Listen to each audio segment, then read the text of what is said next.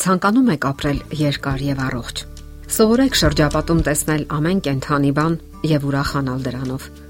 Ծառերը, խոտերը, թռչունները, կենթանիները, երկիրն ու երկինքը։ Նայեք դրանց բարի աչքերով եւ ուրախadir սրտով եւ այնպիսի գաղտնիքներ կբացահայտեք, որ ոչ մի գրքում չեք կարող կարդալ եւ նրանց մեջ կտեսնեք ձեզ խաղաղ եւ վերանորոգված։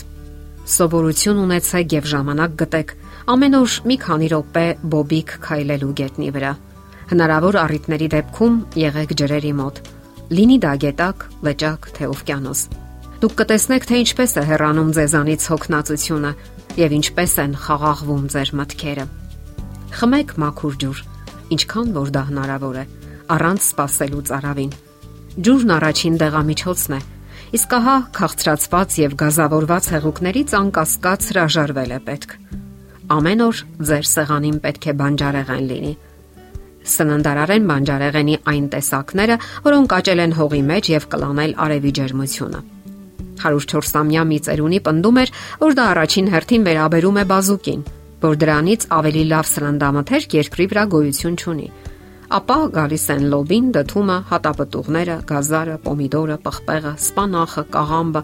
խնձորը, խաղողն ու սալորը Շեշտադրենք նաև ձավարեղենը, լոբին ու կանաչ հեղենը։ Ընթումված է, որ ընկույզները սեղաններին հայտնվում են միայն տոնական օրերին։ Շատ ավելի ճիշտ է, թեև քիչ քանակությամբ կանոնավոր օգտագործել դրանք։ Ընկույզը կառուցվածքով նման է մեր ուղեղին եւ խիստ օգտակար է առողջության համար։ Ինչ վերաբերում է մսին, ցանկության դեպքում կարելի է ուտել, սակայն շատ քիչ։ Առանձնահատուկ նշենք, որ երբեք չի կարելի ուտել խոզի միս։ Այն նենք թշնամի է եւ մեկ մարդու չէ, որ այն աշխարհն է ուղարկել։ Իսկ ինչ մնում է ապխտած մսին, ապա իմաստ չունի համտեսել ծուխն ու խեժը։ Դրանք պիտանի չեն ուտելու համար։ Տեսեք, գիշատիչները միս են ուտում եւ հազիվ հաս ծուլորեն քարշ են տալիս ոդքերը։ Իսկ ահա ձին վարսակ ուտելուց հետո պատրաստ է ամբողջ օրը վազել ու վազել։ Մորեխը նույնպես միայն խոտ է ուտում եւ դրա համար էլ կարողանում է ողջ օրը թրջկոտել։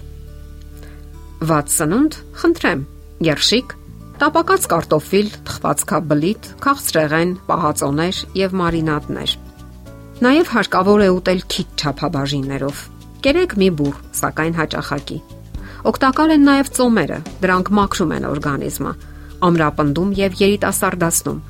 Իսկ եթե կարողանաք ավելի երկար ծոմ պահել, ապա ոչ թե կքայլեք, այլ պարզապես կճախրեք։ Շաբաթը 1 օր կարելի է ոչինչ չուտել, միայն ջուր խմել։ Դուք կզգաք, թե ինչպես է հրճվում ձեր սիրտը եւ լցվում կյանքի վերկրանքով։ Իսկ արևի մասին նա դուրս է գալիս եւ մայր մտնում ձեզ համար։ Աշխատեք ավելի շատ լինել նրա կենարար ճառագայթների ներքո։ Տխրությունը կարծես նահանջում է նրա ջերմությունից, իսկ միտքը հանգստանում է եւ ավելի պայծառ աշխատում թարմոտ։ Հարկավոր է հնարավորինս շատ գտնվել թարմոթում, զբոսնել։ Օրվա ընթացքում աշխատանքի գնալիս կամ այնտեղից վերադառնալիս 1-2 կանգառ կարելի է ոդկով քայլել։ Իսկ ինչ կարելի ասել բնավորության մասին։ Երբեք պետք չէ անտեսել այն։ Դա դուք եք, ձեր մտքերը եւ վերաբերմունքը աշխարհի հանդեպ։ Ձեր փոխհարաբերությունները, ձեր ողջ ներքին աշխարհը, որ ճշգրտորեն արտացոլվում է ձեր առողջության վրա։ Եվ վերջապես ուրախ եղեք։ Սողոմոն թագավորն ասել է, որ ուրախ սիրտը դեղ է։ Իսկ ահա վհատ հոգին չորացնում է ոսկորները։ Իսկ գիտական բժշկությունը բոլորովին էլ չի հերքում այդ միտքը։ Դե ի՞նչ։ Ցանկանում եք ապրել երկար եւ առողջ։ Եթերում է առողջ ապրելակերպ հաղորդաշարը։ Ձեզ հետ է Գեղեցիկ Մարտիրոսյանը։ Հարցերի եւ առաջարկությունների դեպքում զանգահարեք 041 08 20 93 հեռախոսահամարով։ Հետևեք մեզ hopmedia.am հասցեով։